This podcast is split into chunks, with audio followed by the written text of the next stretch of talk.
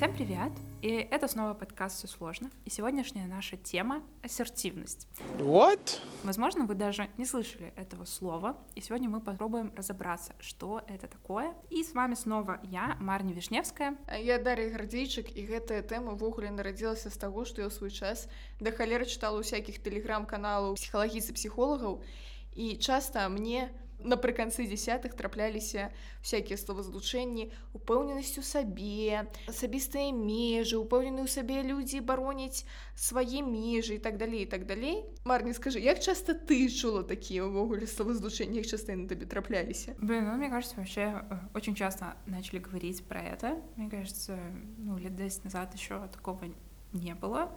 И это было все в новинку. Но мне кажется, сейчас это даже ну, настолько многие об этом говорят, пишут в своих блогах, что это уже как-то стирается настоящий. нейкі мем уже гэта стаў Люди, например, часто говорят, там, например, надо уважать свои границы в отношениях, но, например, эти же люди вообще не могут уважать свои границы, как-то отстаивать их в рабочих процессах, и тогда, ну, как бы зачем это все, если где-то мы это можем делать, где-то нет, и на самом деле уверены мы тогда в себе или нет? Ну, вот такие вопросы у меня возникают. Дык вось я яшчэ акрамя таго што тэлеграм чытала я яшчэ чытала ўсякія інстаграмы у тым ліку замежныя і ведаеце як па-ангельску упэўнены assertive ад гэтага ўтварылася слова асертыўнасць а тут раптам высветлілася што ёсць беларуская спецыялістка па асертыўнасці яе завуць ольга ланеўская ведаеце дзе яна яна з намі ў адной студыі добрый дзень ольга! Всем привет! можешь калі ласка расказаць пару слоў пра сябе і прычым тут асертыўнасць Уже на протяжении 8 лет я тренерка по самообороне и ассертивности по методу Вендо. И сегодняшняя наша тема касательно ассертивности, она касается на самом деле каждой из нас, того, как мы как я, каждый из нас живет в этом мире, как реагирует, но и как вообще умеет договариваться с собой, со своими ощущениями, мыслями и с другими людьми во время взаимодействия, контакта, например, во время того, как мы функционируем в одном доме или во время того, как мы функционируем в поликлинике, дома, на работе, на улице, в автобусе. И это такая возможность, ассертивность. Ты сказала, да, что это такая уверенность в себе, а я еще хочу добавить, что это такая возможность выбирать себя, и выбирать те желания, которые я сейчас хочу и что для меня важно, а не те возможности, которым меня обучил мир. Чаще всего мир патриархата, чтобы я была удобной и комфортной Это такая возможность выбирать свои ощущения и идти за ними. асертыўнасць нельга просто перакласці як упэўненасць тому что гэта больш шырокі тэрмін атрымліваецца Я думаю, что в зависимости от того, кто будет говорить про ассертивность, э, психологини или коучи, или тренерки, или феминистки, можно это понятие под себя как-то подстроить, с одной стороны, но с другой стороны он всегда будет касаться защиты своих границ, и об этом говорила Марни. Это можем немножко обсудить. для того, чтобы лучше понять, что такое ассертивность, надо точно понимать, где вообще начинается моя территория, мои границы и где заканчивается, потому что вот эта граница говорит о нарушении и о том, как я могу уже ассертивно действовать, чтобы себя защищать. Получается, что многие предлагают такую классификацию, как есть психологическая граница, там, физические наши границы, финансовые границы. В принципе, как ты относишься к этой классификации? Нужно ли делать классификацию или просто можно ко всему применить этот? Если у меня есть мое отношение к чему-то, я могу использовать свое понятие личных границ, да, и вот эти личные границы, вот как ты сказала, могут делиться на физические и психологические, а уже из физических, например, могут появиться экономические. И на самом деле важно разобраться, что такое личная граница по отношению с конкретным человеком, либо вообще, например, как я хочу общаться со своими друзьями, или как я хочу общаться с человеком, с которым я в отношениях, например, разрешаю ли я на себя кричать, вообще возможно ли это, либо на меня кричать нельзя, и кто бы передо мной не был, кого бы я так сильно не любила, если человек на меня повышает голос, я это останавливаю, потому что это уже нарушает мои границы.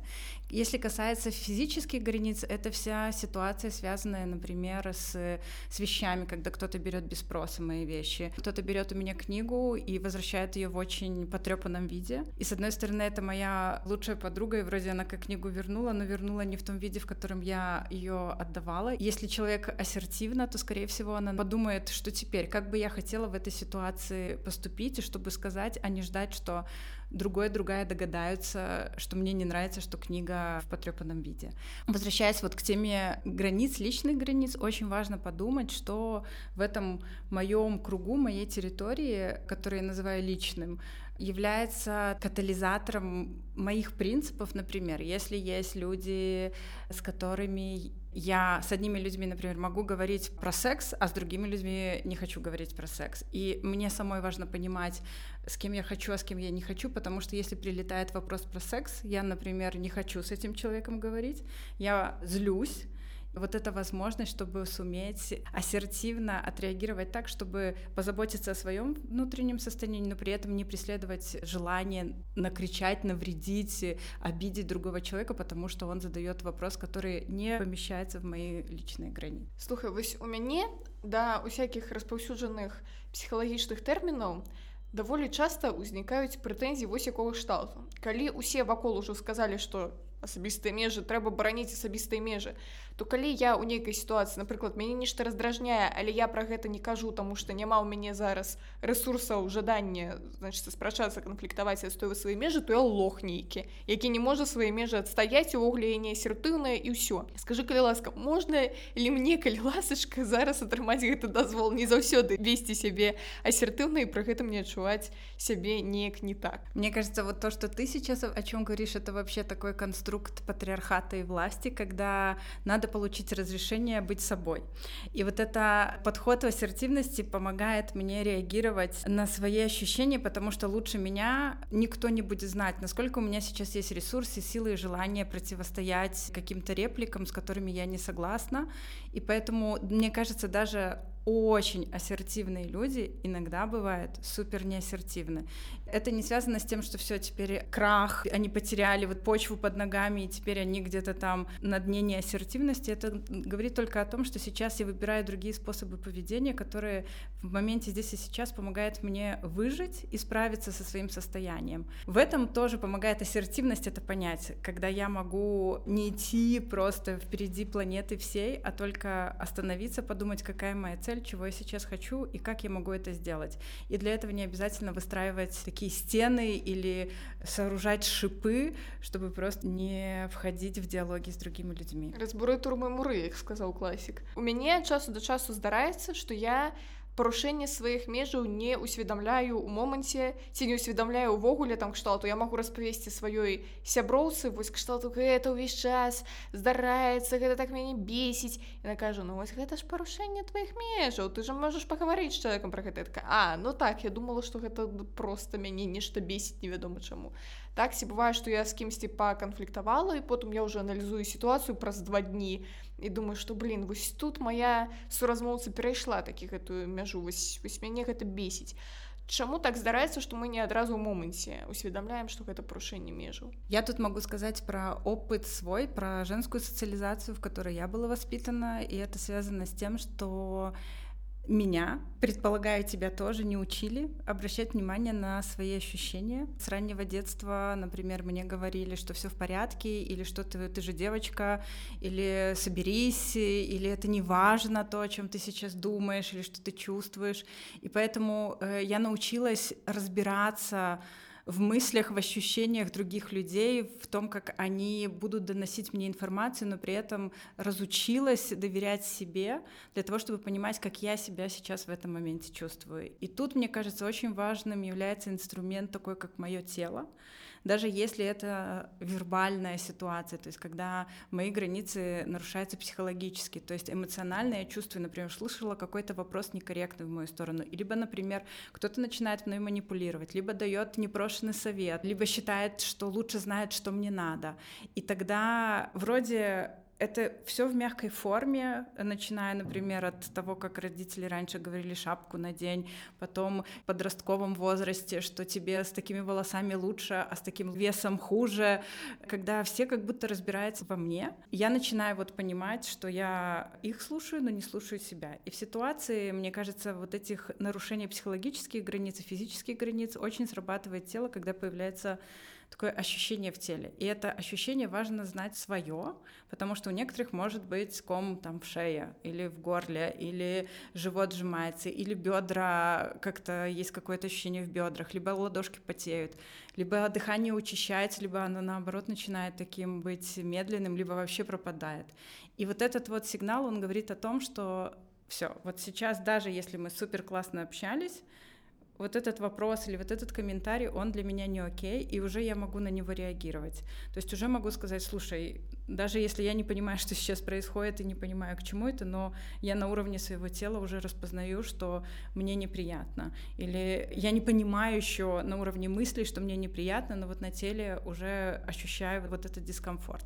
И тогда, если я умею доверять телу, то тогда я доверяю себе, своим ощущениям, а не тому, например какой это классный парень, или какой передо мной авторитет, или какая классная феминистка стоит и рассказывает мне, как надо жить, или какой должен быть феминизм, но при этом я на уровне тела ощущаю, что нет, я с этим не согласна, или вот это мне не подходит, и я могу уже принимать для себя решение, что я хочу с этим делать. Атрымліваецца, калі у вас раптам бровы полезли за перыметр лба, вочы закаціліся, з далоняў пацёк пот ці яшчэ нешта, якая заўгодна рэакцыя, то варта падумаць, а што ж з вами вами адбываецца просто зараз что такие адчуванні мне кажется то что ты сказала это уже такой пик, когда тело прям а, алярм, да, кричит, сигнализация такая, что все, останавливайся, подумай о себе, сделай что-то для себя. И я вот еще вспомнила, ты даже говорила про то, что я молчу, например, да, и потом думаю. И вот это в поддержку, мне кажется, многих из нас очень важно понимать, что каждый из нас в ситуации нарушения своей границы делает лучшее в моменте, что может сделать. Ты вот даже когда рассказывала ситуацию, ты сказала, потом вот я анализирую, и потом приходят мысли. И так это работает, что со временем появляется много идей, что надо было, можно, а почему я так не сделала? Я начинаю себя винить, но при этом э, в моменте, когда что-то происходит с нарушением моих границ, из-за того, что мы умеем жить, умеем дышать, мы выбираем лучшее, даже если это лучше из худшего. Мне вельми крануло то, что ты сказала, наконт того, что мы начинаем разбираться разбірацца ў пачуццях і думках іншых людзей лепей за наши ўласныя пачуцці і думкі напрыклад нешта мне не спадабалася як са мной размаўлялі там хтосьці подвысіў голас і я замест таго каб сказаць не крычы на мяне я пачынаю я значится ад пачатку я змаўчу сяду такая як гэта ведаеце дзяўчынка выдатніца настаўніца на кагосьці крычыць я сячу такая не не я гляджу я паўтараю тэкст які нам на сёння заданы і думаю сама сабе так но просто гэты чалавек стаміўся вось ён стаміўся і таму ён такі раздражнёны так гэта ўвогуле не пры мяне гэта вось яго просто такія эмоцыі бо ён стаміўся дзень такой. Дзень такі так сапраўды потым значыцца калі сітуацыя скончылася я зноў жа пачуццё віны а Почему я ему не сказала не кричи? Ну, треба же было сказать не кричи. Вот в этой ситуации ассертивность очень помогает справиться с ситуацией, когда меня научили быть удобной.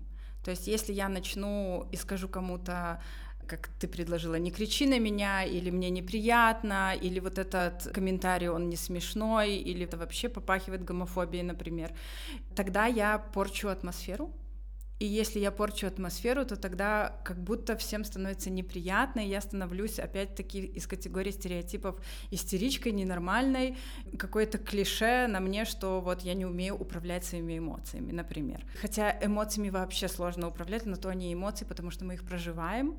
И в этой ситуации, если, например, нарушение границ вообще, оно всегда связано со злостью, да, если я чувствую злость, то значит все, это случилось, как бы под притворством сахарной пудры и комментарий не был бы посыпан, все равно мои границы сейчас нарушаются. И вот то, как реагировать сразу, а не про то, как потом винить себе, очень помогает техника не искать лучшего времени. Вот вот еще человек чуть-чуть скажет, и тогда я начну. А прям вот если я почувствовала, сразу говорю. И тогда у меня есть возможность сказать это спокойно, уверенно и с таким менее дрожащим голосом, если меня это сильно волнует. Потому что если ситуация, в которой я молчу, молчу, молчу, ситуация повторяется, я опять молчу, молчу, то, скорее всего, я взорвусь рано или поздно, скорее всего, позже, чем раньше, и это приведет к тому, что я потом наговорю многие вещи, которые бы говорить не хотела, например, это во-первых, а во-вторых, я потом эмоционально так буду взволнована, что мне потом придется долго восстанавливать ресурс, чтобы вернуться в свою норму. Поэтому ассертивность помогает не выходить из себя в такой степени, чтобы уметь реагировать сразу для того, чтобы оставаться в таком комфорте с собой. Даже если, например, передо мной вот какой-то авторитет или какой-то человек, который ну, типа, классный, он мне нравится, или она мне нравится, у нас какая-то иерархия или какие-то романтические отношения, что кто бы это ни был, все равно в ситуации ассертивности, в ситуации выбора себя, всегда в моих границах я главное, и я тогда веду себя на основе того, как я себя чувствую, а не на основе того, как можно, как мне разрешили, как меня научили, и как вообще принято в данном сообществе. Есть реально люди, которые тихие, скромные, которые очень много стесняются, когда они начинают вести себя ассертивно. Они становятся какими-то другими, то есть они начинают быть более заметными, громкими, или ассертивность — это про то, что можно, типа, оставаться самими собой, но просто ты как-то, наверное, уверенно просто говоришь, ну, тебя люди начинают слушать, или, или как это вообще? Ассертивность ситуации скромности помогает оставаться своей скромности, холить или лелеять ее и уважать, а не то, что, например, когда вот надо быть громче всех, чтобы отстоять себе. Нет. Ассертивность вот именно обращает внимание человеку на то, какой он, какая она, для того, чтобы уметь вот именно учиться жить со своими ощущениями в кругу других людей. И ассертивность приводит к тому, что, скорее всего, люди, которые используют меня, которые хотят вот от меня что-то получить, хотят как-то манипулировать, то, скорее всего, они со временем отвалятся, потому что я становлюсь неудобной. Одно дело, я, например, могу быть молчаливой в компании друзей, потому что я слушаю и мне интересно. Другое дело, когда я, например, защищаю свои границы, даже если мне присуще больше такой молчаливый образ жизни, то все равно я не жду, когда мне разрешают сказать, я говорю. Какой вопрос? Ты считаешься ассертивной? Я думаю, что в большинстве случаев я ассертивна. Как тебе жить в этом мире? Мне кажется, очень многие люди вообще никак не ассертивны. Они постоянно нарушают наши границы, они там что-то какие-то громкие и прочее. Ну вот ну вот каково тебе это? Смысл в том, что ассертивность точно не говорит о том, что я хочу кого-то учить, как надо жить этому человеку. Ассертивность помогает жить мне. И то, что другие люди не понимают, или то, что они видят это по-своему, это к ним. А то, как я вижу и как я создаю вот свой микроклимат, это про меня и про мою ответственность. И поэтому тут, мне кажется, очень помогает в ситуации конфликта, о котором ты сказала, когда классно, когда все договариваются, да, и все легко и просто, ну, потому что как будто одна волна. Но когда появляется ситуация в ассертивности, проще, мне кажется, ее решить, потому что если меня что-то начинает не устраивать, то я не жду, что ты прочитаешь мои мысли, и поймешь, когда я закатила глаза, цыкнула, например, посмотрела не в ту сторону, только это моя ответственность сказать, слушай, вот тут вот, вот меня не устраивает, и еще предложить тебе, как бы я хотела. И вот тут уже из таких лайфхаков, как можно вводить ассертивность в свою жизнь, очень важно уметь назвать факт вообще, что происходит, да, то есть, например, делаем какое-то общее мероприятие, и, например, вот я опаздываю на встречи, и тебя, Марни, или там даже вас это злит. Например, ты бы хотела мне сказать, что я опаздываю, да? То есть факт такой, Оля, ты опаздываешь.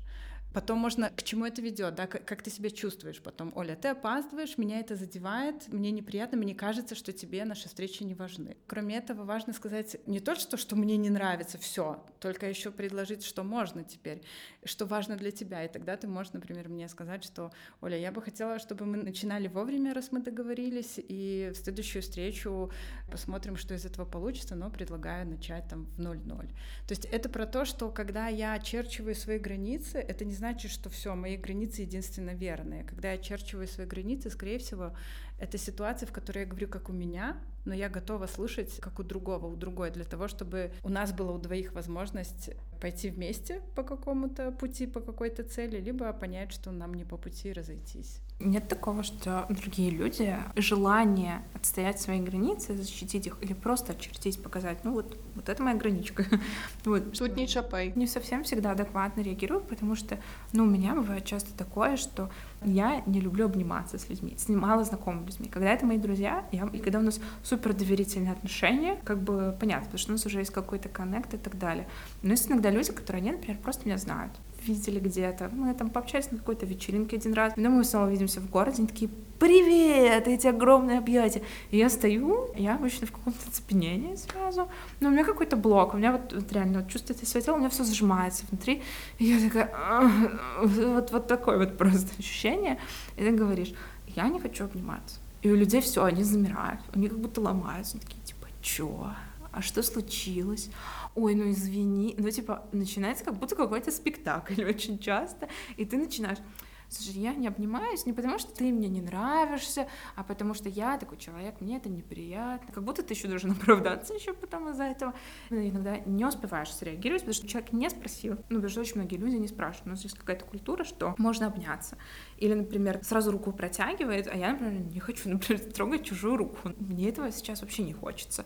Они такие, понятно прости, извини. Или, например, человек уже про это знает, мы снова встречаемся, ой, точно, я забыла. Ощущение, что типа вот у тебя какие-то свои особенные потребности, и сейчас я вот напрягусь, чтобы их соблюсти, как реагировать на этих людей, которые как будто тебя еще в неловкое положение ставят из-за того, что ты вот такая сама, сейчас такая умничка, молодец, сама о себе позаботилась, а они еще хотят это еще раз тыкнуть в это. Предложение есть у меня к тебе, что кроме того, чтобы сказать, что нет, я не обнимаюсь, может быть, ты хочешь сообщить еще, как бы ты хотела с этим человеком здороваться. Потому что в ситуации равной, когда есть два «я», есть какие-то правила в виде этикета, что люди здороваются, только вот эти два «я» сейчас не понимают, как одно «я» здоровается и как второе «я». Первое «я» предлагает как будто, с другой стороны, второе «я» говорит, этот способ не подходит. И тогда, если ты знаешь, как ты хочешь с этим человеком здороваться, можно ему, например, сказать. И тут важно понимать, что этот человек с этим может вообще не согласиться. То, о чем ты сказала, назвала это спектаклем таким, это про то, что отстаивание своих границ, оно еще также основано на том, чтобы выдерживать это мои границы, и я не шучу человек обижается или начинает что-то говорить, ну ладно, ну больно-то хотелось, ну какой-то свой комментарий, это уже все про него, да, или про нее. Это про то, что нету вот этого согласия, как бы вот сейчас два я хотели пообщаться. И тут вот это выдерживание границ очень связано с чувством вины. Если говорить, что мои личные границы — это моя территория, мои ощущения, это только все мое, только мое, то тогда я не испытываю вину за то, что я не делаю то, что человек хочет мне со своей территории набросить на меня, чтобы получить удовольствие для себя, а при этом забрать вот этого вот комфорта от меня Все, готовьтесь, теперь я буду сильной до конца. Давай смоделюем ситуацию. Хочется уявіць, што будзе калі сустрануцца два асертыўных чалавекі, якія пры гэтым адстойваюць свае межы. Марни, иди обниму. Иди обниму, мне кажется, это типа плохая ситуация. Ну, я часто очень сталкиваюсь с таким.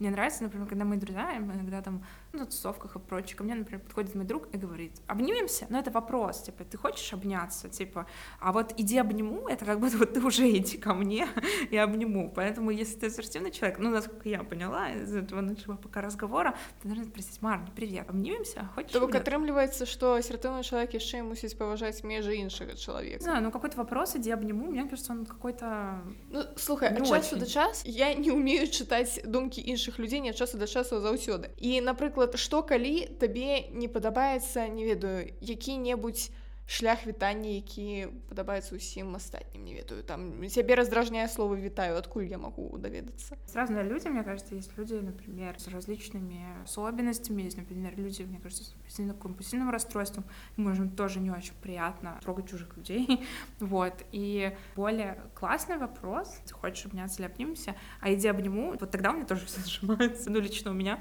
потому что такая так человек уже готов расставил свои руки вот и сейчас мне ему надо надо будет отказать. Ну, иногда чувствуешь себя, ну, не очень приятно в этой ситуации. Тут важно отметить, что ассертивность, она всегда связана с сообщением «я». Когда я говорю о себе, от своего имени, о своем опыте, о своих желаниях, когда я вообще не использую мы обобщенной такой формы, потому что или ты, потому что тогда я начинаю быть специалисткой в других, но опять-таки забываю о себе. И тогда в ситуации объятия ассертивный человек скажет, слушай, я хочу сейчас тебя обнять, что ты про это думаешь? Иногда есть моменты, когда это может казаться искусственным вопросом, потому что ведь сто раз мы обнимались, а в сто первый я спросила. Несмотря на то, что сто раз я сказала да, то в сто первый раз, может быть, это как раз-таки тот момент, когда я не захочу объятия, потому что любое физическое прикосновение — это всегда в моменте здесь и сейчас дается, когда я хочу, либо я не хочу, и чтобы у меня была возможность оценить. Еще одну ситуацию проведу за асабістага досведу. У нас какая-то личная консультация. Конечно. Няўжо у наших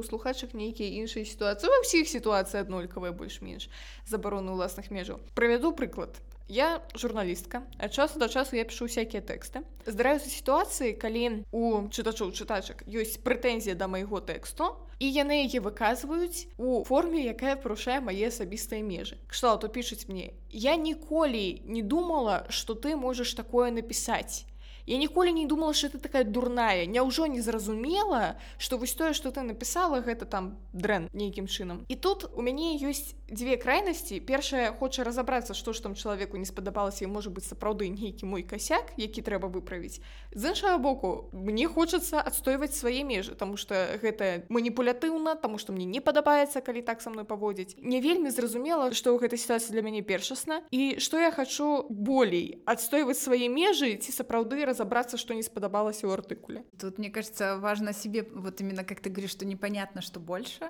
очень важно подумать, какая твоя цель. На основе своей цели выстраивать слова и поведение, потому что если ты хочешь сообщить человеку, что с тобой, например, общаться таким образом нельзя, и что это не то, что входит в твои рамки профессионального общения, а при этом говоришь на другую тему, ты чувствуешь неудовлетворение, потому что не получаешь реализации своей цели, а диалог выходит не такой, как бы тоже ты хотела. То есть начинаете путаться. Поэтому, мне кажется, важно выбрать, какая цель в зависимости от этого куда-то идти. Возвращаясь в этом кейсе, в твоей ситуации к ассертивности, я думаю, предложить, чтобы ты подумала, как бы ты хотела, вообще составила себе свой список, как ты общаешься с людьми, с которыми на работе встречаешься, что позволительно, что вообще точно не ок, и что в такое спорное, в зависимости от ситуации. И когда появляется вот оценочные суждения, когда, например, тебе или там другой женщине кто-то кому-то говорит, какая она, то это выходит из поля ассертивности в поле агрессии. Если кто-то мне говорит, ну, Оля, ты дура, ну, тогда если я знаю сама, какая я, то по сути, что если мне чей-то комментарий в мою сторону, что я дура, ну, хорошо. То есть это всего лишь твои слова. Если я сама понимаю, какая я, я слышу, например, вот касательно текста, да, какой текст не такой, то тогда я не зацикливаюсь на этой фразе, что я какая-то глупышка и тут не то пишу и что вообще никогда от меня такого не ожидали. То есть само слово ожидание это уже что человек ставит себя выше и ожидает, что у него есть ко мне ожидания. Если я думаю, например, переживаю, что я совершила ошибку какую-то, например, профессиональную, то тогда я сосредоточиваюсь на ней, чтобы это выяснить. Если, например, эта ситуация связана с тем, что кому-то не нравится мой стиль, то тогда на основе того, что я хочу сделать, например, если мне не интересно мнение этого человека, я так и говорю, что я не спрашивала. Это может быть не культурно, как будто в таком мире, но если опять-таки это касается меня, моих мыслей, то это очень такие ассертивные сообщения. Мне, дарэчы, спадабалася, што сказала менавіта не культурна, а не неветліва. Таму што гэта як бы нешта прынята ў гэтай культуры, а не нейкая аб'ектыўная ветлівасць. Я вообще сейчас сижу, слушаю, думаю, блин, зачем вообще ходить к психотерапевтке, к психологине, если можно просто прочитать что-нибудь про ассертивность, стать ассертивной, и тогда, мне кажется, половина вообще проблем в жизни решено. Я думаю, что вот именно для этого иногда и надо ходить, или не иногда, к психотерапевтке, к психотерапевту, для того, чтобы становиться ассертивными людьми, потому что это один из таких тоже навыков, которые можно опрести на терапии, если работать со своим терапевтом, со своей терапевткой, которые будут укреплять уважение к себе, к своим границам, к доверию к своему телу, то тогда из этого может быть в будущем отличный навык ассертивного общения. Ну, мне кажется, есть некоторые люди, они очень агрессивно отстаивают свои границы. Ну, типа, это уже, мне кажется, не ассертивно, но вроде бы они тоже молодцы, они уже как-то работают со своими границами. Где вообще вот эта грань? Когда человек начинает себя вести ассертивно, очень часто он это будет делать очень жестко. Например, в жизни не было качественного опыта отстаивания своих границ, и резко там, человек начинает учиться и не знает как. Иногда появляются такие железные стены, либо очень прозрачное какое-то стекло. Для других это может быть странно или очень вот обидно или агрессивно, но со временем, мне кажется, если человек работает с границами своими, лучше себя узнает, понимает, то тогда это становится такая лайт-версия. Я заўважала за некаторымі людзьмі дарэчы калі чалавек падавалася б вельмі асертыўна сябе паводзіць большую частку часу заўсёды кажа што так не трэба рабіць так не трэба мяне кранаць не трэба так са мной размаўляць. Але пры гэтым сам ці сама дазваляе сабе такое што бровы паўзаюць за перыметр ілба ты думаешь табе калі псіхтэрапеўці псіхтэрапеўтка ці трэнер ці трэнерка тлумачылі пра асабістыя межы яны табе забыліся патлумачыць што не только у цябе яны існуюць ці што? Может человек наоборот пытается нащупать чужие границы и хочется проверить. Мне кажется вот тут поэтому ассертивность срабатывает так что если два человека проверяют, то один проверяет свое, а другой тоже свое, да, то есть это про возможность, если для меня это грубо, и меня это задевает, когда мне кто-то говорит там нет, и мне кажется, что о, о, о, потише, то тогда это моя ответственность сказать, слушай, я слышу тебя, но меня сейчас как-то мне холодно стало от этого нет, или там все задрожало в зависимости от ситуации, или я бы в будущем хотела, чтобы ты сказал, сказала как-то так, то есть чтобы донести не только нет, а рассказать, как хочу. А чтобы рассказать, как я хочу, например, для этого надо понимать себя. А чтобы понимать себя, надо себя узнавать. А если я думаю, что я такой аленький цветочек, то, скорее всего, я себе очень честно прям вру, потому что каждый из нас может как получать такие ситуации жизни, в которой наши границы нарушаются, точно так же и создавать такие ситуации, в которых мы нарушаем, в которых я нарушаю чью-то границу. Ты вначале сказала, что ты тренерка Вандо, самооборона для женщин. А причем здесь вообще физическая самооборона и ассертивность, как они связаны? И, может, ты можешь побольше рассказать, что это вообще за техника Вандо? Это метод, который придумали женщины для женщин в 70-х, в конце 60-х в Канаде метод придумали мигрантки, которые приехали в Канаду и начали думать, как справиться с ситуациями физического насилия у себя дома, на районах, чтобы чувствовать себя безопаснее. Они начали разрабатывать какие-то приемы, не разрабатывать, а брать различные приемы физической самообороны из боевых искусств, таких как карате, тэквондо, айкидо, крафмага, для того, чтобы уметь за себя постоять физически анализирую, что происходит в мире, в мире патриархата, в мире насилия, что физическое насилие никогда не выступает само по себе, оно идет в паре с психологическим насилием, либо до физического насилия есть вот именно эмоциональное насилие, конфликтные ситуации, нарушение границ личных, и они добавили в свой метод именно такое понятие, как ассертивность, для того, чтобы женщины, небинарные персоны, трансгендерные персоны могли отслеживать нарушение своих границ в самом начале, когда не надо еще защищать себя физически. И поэтому метод, в котором я работаю, он, несмотря на то, что одна третья времени на тренинге посвящена физическим приемам самообороны, большую часть сам тренинг всегда затрагивает, как уметь за себя постоять психологически в конфликтных ситуациях, в ситуациях, когда я чувствую несправедливость, когда я чувствую злость, что мои границы нарушаются, для того, чтобы уметь себя защитить на самых первых этапах и не думать, что мне кажется и, скорее всего, принесет в этот раз, и человек ничего плохого больше не будет делать.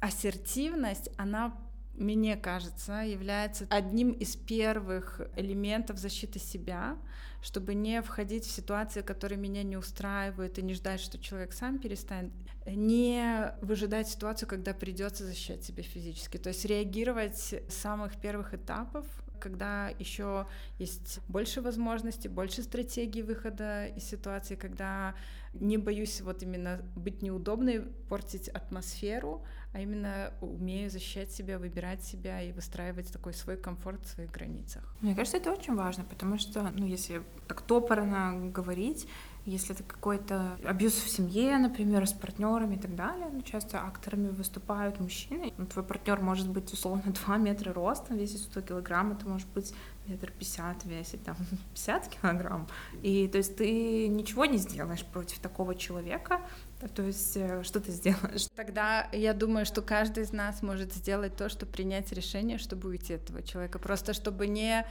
обесценивать свои возможности. То есть стратегия, вообще стратегия феминистского выхода из насилия, очень разнообразный. Это не значит, что мне надо сейчас, как в фильме про карате, 20 минут с ним бороться, с этим человеком. Хочу посмотреть, что из себя представляют ваши японские боевые искусства.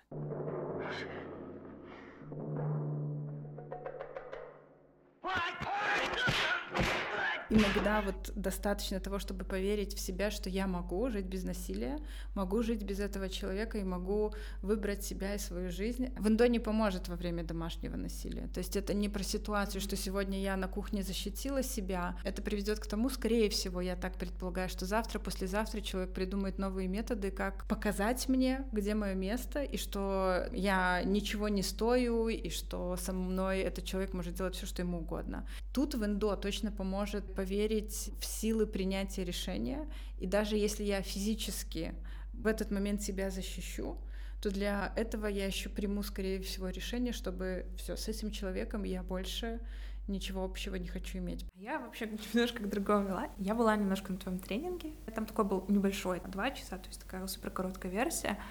И как бы мы особо там ну, не боролись, ничего не делали, но мы много делали упражнений голос. И очень часто голос может сдерживать вот это.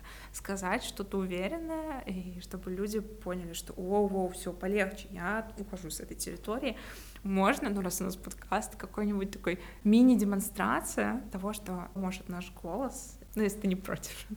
Я думаю, тут э, немножко исхитрюсь сейчас. Голос каждый из нас может всякое.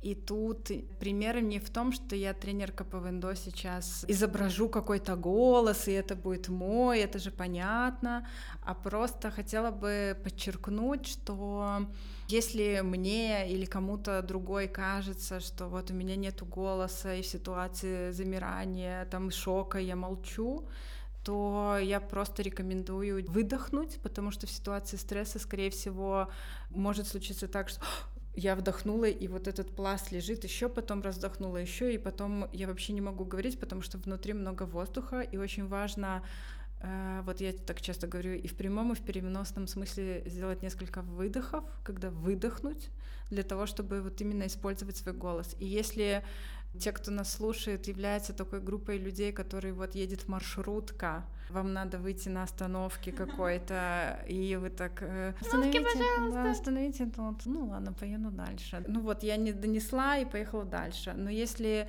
И либо жду, скрестила пальцы, что вот кто-то сейчас скажет, и я воспользуюсь этим другим голосом. Управлять своим голосом в ситуации такого мужского мира, гетеронормативного, основывается в том, чтобы не ждать, когда мне разрешат сказать. Только если я умею говорить, вот сейчас с вами говорю, там, дома говорю, то это в моменте, когда кто-то нарушает мои границы и не говорит мне так, вот я нарушаю, и теперь, Оля, ты говори, скажи, и потом я буду дальше нарушать. Нет, если есть какая-то ситуация, в которой мне становится некомфортно, моя территория — это комфорт про меня, для меня, поэтому если что-то происходит, то тогда я не жду, когда вот человек перестанет меня оскорблять, перестанет там что-то там касаться мне, и только тогда я скажу, извините, пожалуйста, там, перестаньте повышать на меня голос. Конечно, могу так сказать, но в этот момент, пока создастся возможность, я уже вообще потеряю все голосовые связки.